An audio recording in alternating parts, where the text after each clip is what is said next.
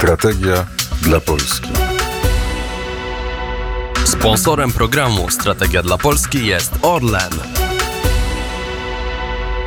A naszym gościem Andrzej Krajewski, dziennikarz, publicysta, analityk, publikujący m.in. na łamach e, dziennika Dzień Dobry. Dzień dobry. Gazety Znaczy. Tak, i dziennika Gazety Prawnej. Tak, Tak jest właśnie. To chciałem dodać. Dziennika Gazety Prawnej. Teraz wszystko się zgadzamy. Zajmiemy się bliżej e, nie tyle polityką, ale merytoryką dookoła ustawy wiatrakowej. E, Jest takie hasło, które nie wiem, czy jest prawdziwe. Może pan redaktor je zweryfikuje. Im e, stawiamy te wiatraki, teraz będziemy je stawiać w większej liczbie, bo to zapewni nam niską energię, czyli jednym słowem im więcej wiatraków, tym niższe rachunki za prąd. Tak chociażby jest napisane w uzasadnieniu do ustawy, która mrozi ceny energii, ale także zmienia oczywiście mm, zasady instalowania OZE, szczególnie wiatraków. To prawda czy nieprawda, panie redaktorze? Ja bym to nazwał nieścisłością, bo jeżeli patrzeć na opracowanie Europejskiego Banku Centralnego z zeszłego roku z marca, które analizuje dokładnie kwestie użycia odnawialnych źródeł energii, no to tam wyliczono, że około 11% cena energii elektrycznej z odnawialnych źródeł energii, tak jak fotowoltaiczne i e, turbiny wiatrowe jest o 11% mniej więcej wyższa niż e, średnia cena źródła energii z paliw kopalnych. A to wygląda dlatego, że my nie potrafimy magazynować energii. Nie potrafimy wielkiej ilości prądu gdzieś zamknąć i potem go odzyskać e, w miarę potrzeb. Więc e, odnawialne źródło energii, które jest darmowe i niewyczerpalne, e, wprawdzie zasila coś takiego jak na przykład tu- turbina wiatrowa, ale ta turbina pracuje jedynie w pewnym okresie czasu. Czyli jak jest odpowiednia siła wiatru. Jeżeli jest zbyt mocny, no to trzeba ją ustawić tak, żeby nie pracowała zbyt wydajnie nie przeciążała sieci. Jeżeli jest bardzo mocny, no to trzeba ją odłączyć. Skoro jak nie wie, no to też nie pracuje. No to więc średnia roczna wykorzystania takiej turbiny wiatrowej na lądzie to jest około 15-20% co do nominalnej mocy. No a może jest to trochę więcej. Więc jeżeli, jeżeli się wlicza koszt wytworzenia, koszt postawienia, koszt, koszt użytkowania plus wszystkie inne rzeczy, no to żeby rachunek spinał się ekonomicznie, no to ten rachunek za prąd musi być no, wyższy z, z takiego źródła energii. No bo my płacimy za całość. Przy czym e, ten rachunek e, znajduje się w miksie energetycznym. Tu trzeba uściślić, że mamy tańszy prąd, powiedzmy, z elektrowni zasilanych gazem, węglem a i prąd z turbin wiatrowych i to się uśrednia na rynku. No i To teraz e, Mamy cenę prądu u odbiorcy. U odbiorcy, ale jak patrzymy na, jak patrzymy na taką praktykę, to wydaje się, że w Polsce już powoli zaczynamy płacić coraz większe odszkodowania czy rekompensaty dla tych producentów energii z OZE, których, których mm, moce wytwórcze w pewnym momencie się nie znalazły w sieci, bo było ich za dużo. Zeszły No rok, czy No ten, tak, który mija, był takim rokiem, to opłacić. gdzie nagle odkryliśmy, że OZE może być za dużo. No, to jest ten kłopot, że kilka miesięcy temu, a teraz to tak e, przetoczyły się przez giełdy bardzo mocne spadki firm, które inwestują w OZE. To jest e, trend ogólnoświatowy. To jest taki spadek 20-30% wartości tych firm. Nastąpiło takie załamanie, zjazd w dół. No i analitycy zaczęli się zastanawiać, dlaczego teraz. No i wnioski są takie, że e, firmy, które wytwarzają prąd i z OZE inwestują w to, generalnie czerpią z tego kapitał, e, mają stałe dotacje. Stałe dotacje, które zapewnia im państwo, także dotacje z funduszy europejskich i tak dalej. Tylko, że kwota tych dotacji do tej pory nie wzrastała, natomiast wzrosły stopy procentowe. Czyli e, kredyty, które się zaciągnęło, trzeba zapłacić więcej. No, pieniędzy nie ma więcej. No i nastąpiło załamanie kursów. Więc żeby nastąpiło wyrównanie, no to trzeba podnieść dotacje, żeby to się spinało. No i tak to mniej więcej działa. No, ten, kto inwestuje w to, bierze na siebie ryzyko, że tego prądu nie sprzeda do sieci, bo na przykład będzie za mocno wiało, więc żeby to działało, to musi mieć zapewnione poduszkę bezpieczeństwa ze strony państwa. A to jest tak, że cały system OZE będzie tylko wtedy się opłacał, będzie to wtedy skuteczny finansowo, się bilansował finansowo, kiedy właśnie będzie ta poduszka ze strony państwa, że inaczej to jest biznes nierentowny? E, opłacałby się, jakby ceny za prąd płacone przez odbiorców były wyższe o te 70%. Tylko, że no w tej chwili, jeżeli chodzi o mrożenie cen prądu, jeżeli nie będzie ustawy o mrożącej cen prądu, no to odbiorca indywidualny i firmy, które odbierają prąd, powinny zapłacić rachunki o 60-70% wyższe. No wtedy to się będzie opłacało. No ale jeżeli to nastąpiłaby ta podwyżka, no to zadowolenie wyborców by gwałtownie spadło. No i wiadomo, jakie to daje efekty, więc no, trzeba dotować, bo inaczej wyborcy będą bardzo niezadowoleni. Owszem, to by działało, gdyby ten prąd po prostu był droższy. Ale my nie bardzo chcemy płacić droższy prąd. Patrzymy na naszych zachodnich sąsiadów. Niemcy mają już drogi prąd i wcale nie są z tego szczęśliwi. No to jest ten kłopot, że wszędzie po prostu jest tańszy, na przykład w Chinach, bo tam system energetyczny jest inny, więc przemysł europejski przegrywa konkurencję, usługi przegrywają konkurencję. No, to jest ten kłopot, że my nie jesteśmy osobną wyspą, samotną wyspą, tylko cały świat jest e, układem naczyń połączonych. W Stanach Zjednoczonych energia elektryczna jest dużo tańsza, w Chinach jest piekielnie tańsza, bo to jest różnica 4-5 razy tańsza. Więc e, to wszystko, co jest wytwarzane dzięki energii elektrycznej, a właściwie wszystko w tej chwili jest zależne w świecie od energii elektrycznej. Każde urządzenie, które mamy, każdy rodzaj produkcji, każdy rodzaj usług, serwery, yy, cała elektronika, wszystko, wszystko, więc de facto to funkcjonuje dużo taniej, więc my przegrywamy konkurencję jako Europa, bo mamy za drogą energię.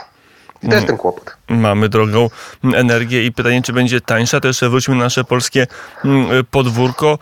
Czy my w ogóle jesteśmy gotowi, żeby włączać kolejne moce odnawialne, niestabilne do naszego miksu, bo on się opiera głównie na elektrowniach węglowych, a te dość ciężko sobie radzą z elastycznością, ze spadkiem mocy, kiedy jest dużo OZE, a potem z, z wzrostem swojego, ze swojej efektywności, kiedy OZE jest mniej, na przykład kiedy zachodzi słońce i, i z, już nie ma energii z fotowoltaiki? No to po pierwsze. Drugi nasz kłopot to są sieci przesyłowe. E, sieci na zachodzie są dużo nowsze, dużo wydajniejsze. My mamy zaległości z kilkudziesięciu lat, jeżeli chodzi o ich e, odnowienie, zwiększenie przesyłowości, zwiększenie elastyczności, transformatory. Wszystko to trzeba zbudować, zmienić. To są gigantyczne pieniądze podłączenie dużej ilości OZE do tych sieci, jakie mamy, no po prostu grozi przyciążeniem sieci i blackoutem, więc no, tego nie można zrobić szybko. Czy nie da po prostu. Ale tak rozumiem w tej chwili, trochę już do polityki przechodząc, uwalniając energetykę wiatrową w stopniu znaczącym, e, to, to jak rozumiem nic to nie pomoże, bo to jest trochę działanie jakby budować dom od dachu, a nie od fundamentów. To znaczy każdy rodzaj OZE bez magazynów energii, których jeszcze nie udało się wymyślić, ewentualnie bez wodoru, który się w niego wierzy jak w świętego grala, że podłączone do elektrolizerów e, urządzenia, tak jak właśnie jak wiatrak, cały czas wytwarzając prąd, przetworzy go na wodór, który potem zostanie użyty w elektrowniach wodorowych, co jest pięknym planem, ale na razie jedynie na papierze no to wygląda tak, że ktoś musi stabilizować te moce. Więc albo elektrownia gazowa, albo wiatrowa, e, to znaczy gazowa, albo węglowa, albo zasilana reaktorem jądrowym.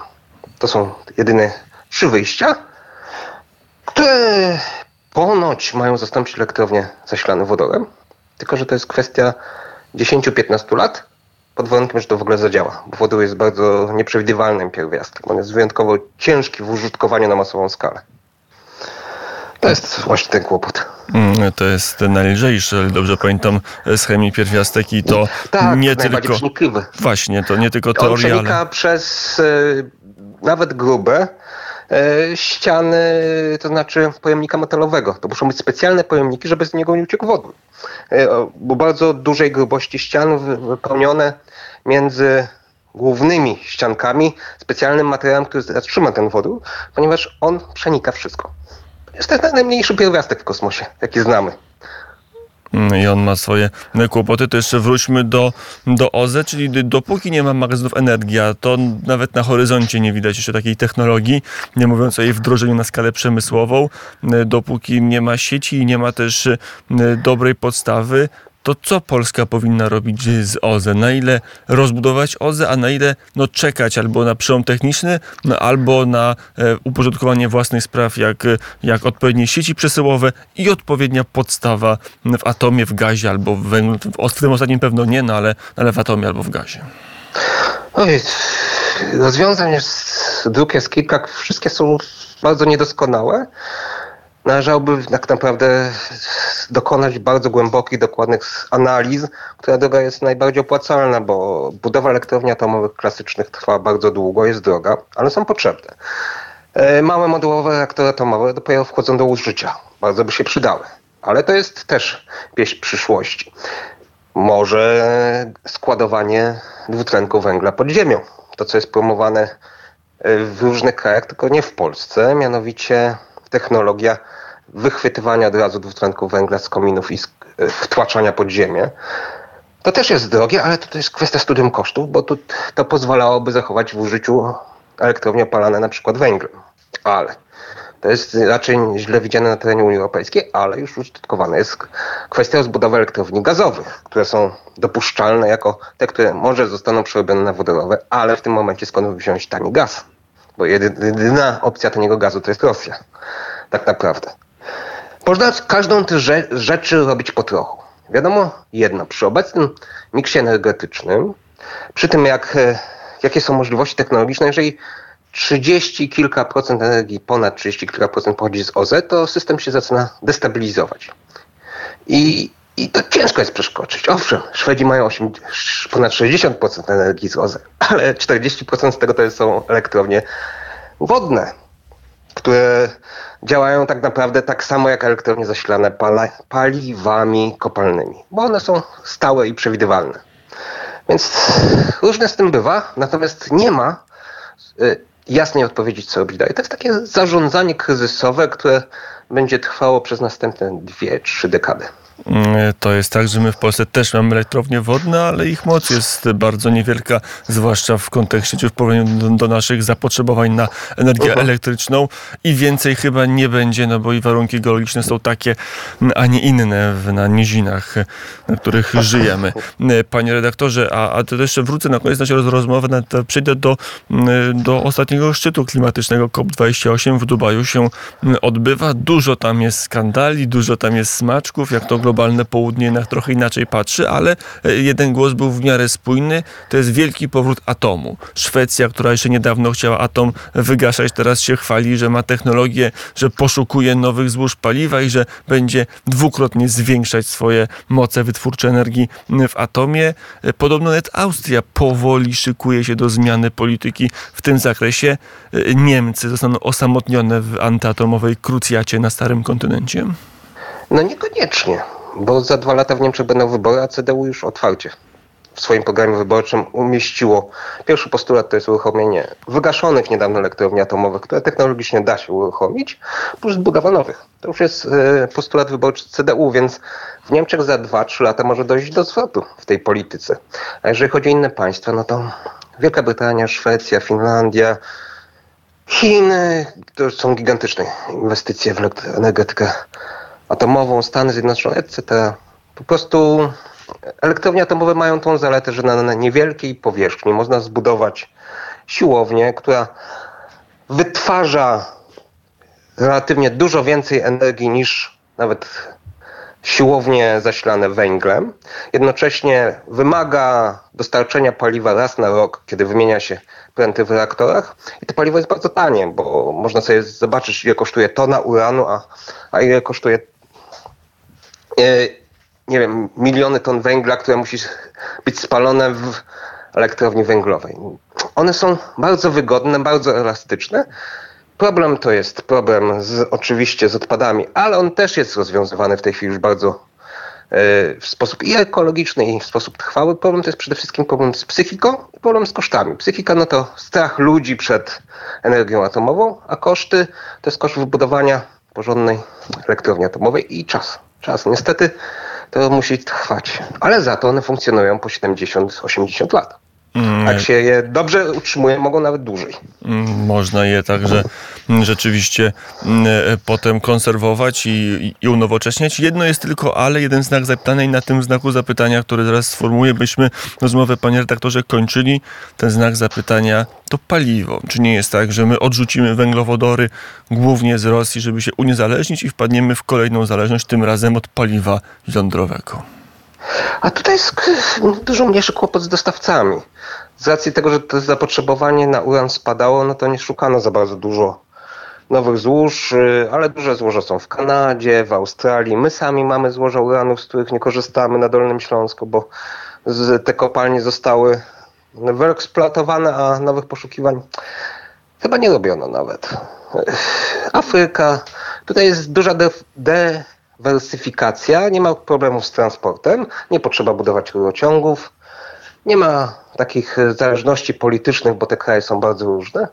To jest dużo łatwiej dostępne paliwo, potrzebne w dużo mniejszej ilości, jeżeli chodzi o wagę tonażową, no i dużo, dużo tańsze niż gaz. Mm, Czyli wniosek jest jeden atom, atom i jeszcze raz atom, jak rozumiem. Tak, tylko tutaj trzeba być konsekwentnym najtrudniej jest wybudować to. To jest ten kłopot, że to trzeba dobrze zorganizowanego państwa, które będzie działało długoterminowo i konsekwentnie i doprowadza inwestycje do końca.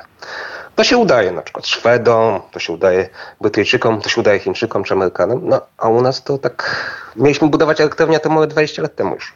Mieliśmy Pierwsze plany jakie powstały. teraz są decyzje, ale teraz chyba już jest tak, że nie bardzo jest na to, na to czekać, bo e, niemalże tutaj z reguły eksperci się kłócą, tutaj głos ekspertów jest w miarę spójny. My pod koniec lat 20. i na początku lat 30. w sposób zdecydowany wejdziemy w strukturalny kryzys energetyki. Jeżeli wówczas nie włączymy, nie, nie zaczniemy włączać bloków jądrowych, to naprawdę będzie źle. To po prostu będziemy mieli bardzo, bardzo drogą energię elektryczną. Mm, Żeby zużywać jej mniej. Za, Będzie oszczędzać na wszystkim. Mam nadzieję, że mam nadzieję, że na pewno nie na radio będzie Państwo oszczędzali, bo to najlepsza z możliwych form rozrywki. Andrzej Krajewski, dziennikarz, publicysta, m, dziennik Gazeta Prawna był naszym gościem. Dziękuję bardzo za rozmowę. Dziękuję bardzo. Do usłyszenia, do zobaczenia. Na zegarach godzina 10 minut 53. Za chwilę będzie 54. My stawiamy kropkę w strategii dla Polski. Słyszymy się o tej samej porze za tydzień. Strategia dla Polski. Sponsorem programu Strategia dla Polski jest Orlen.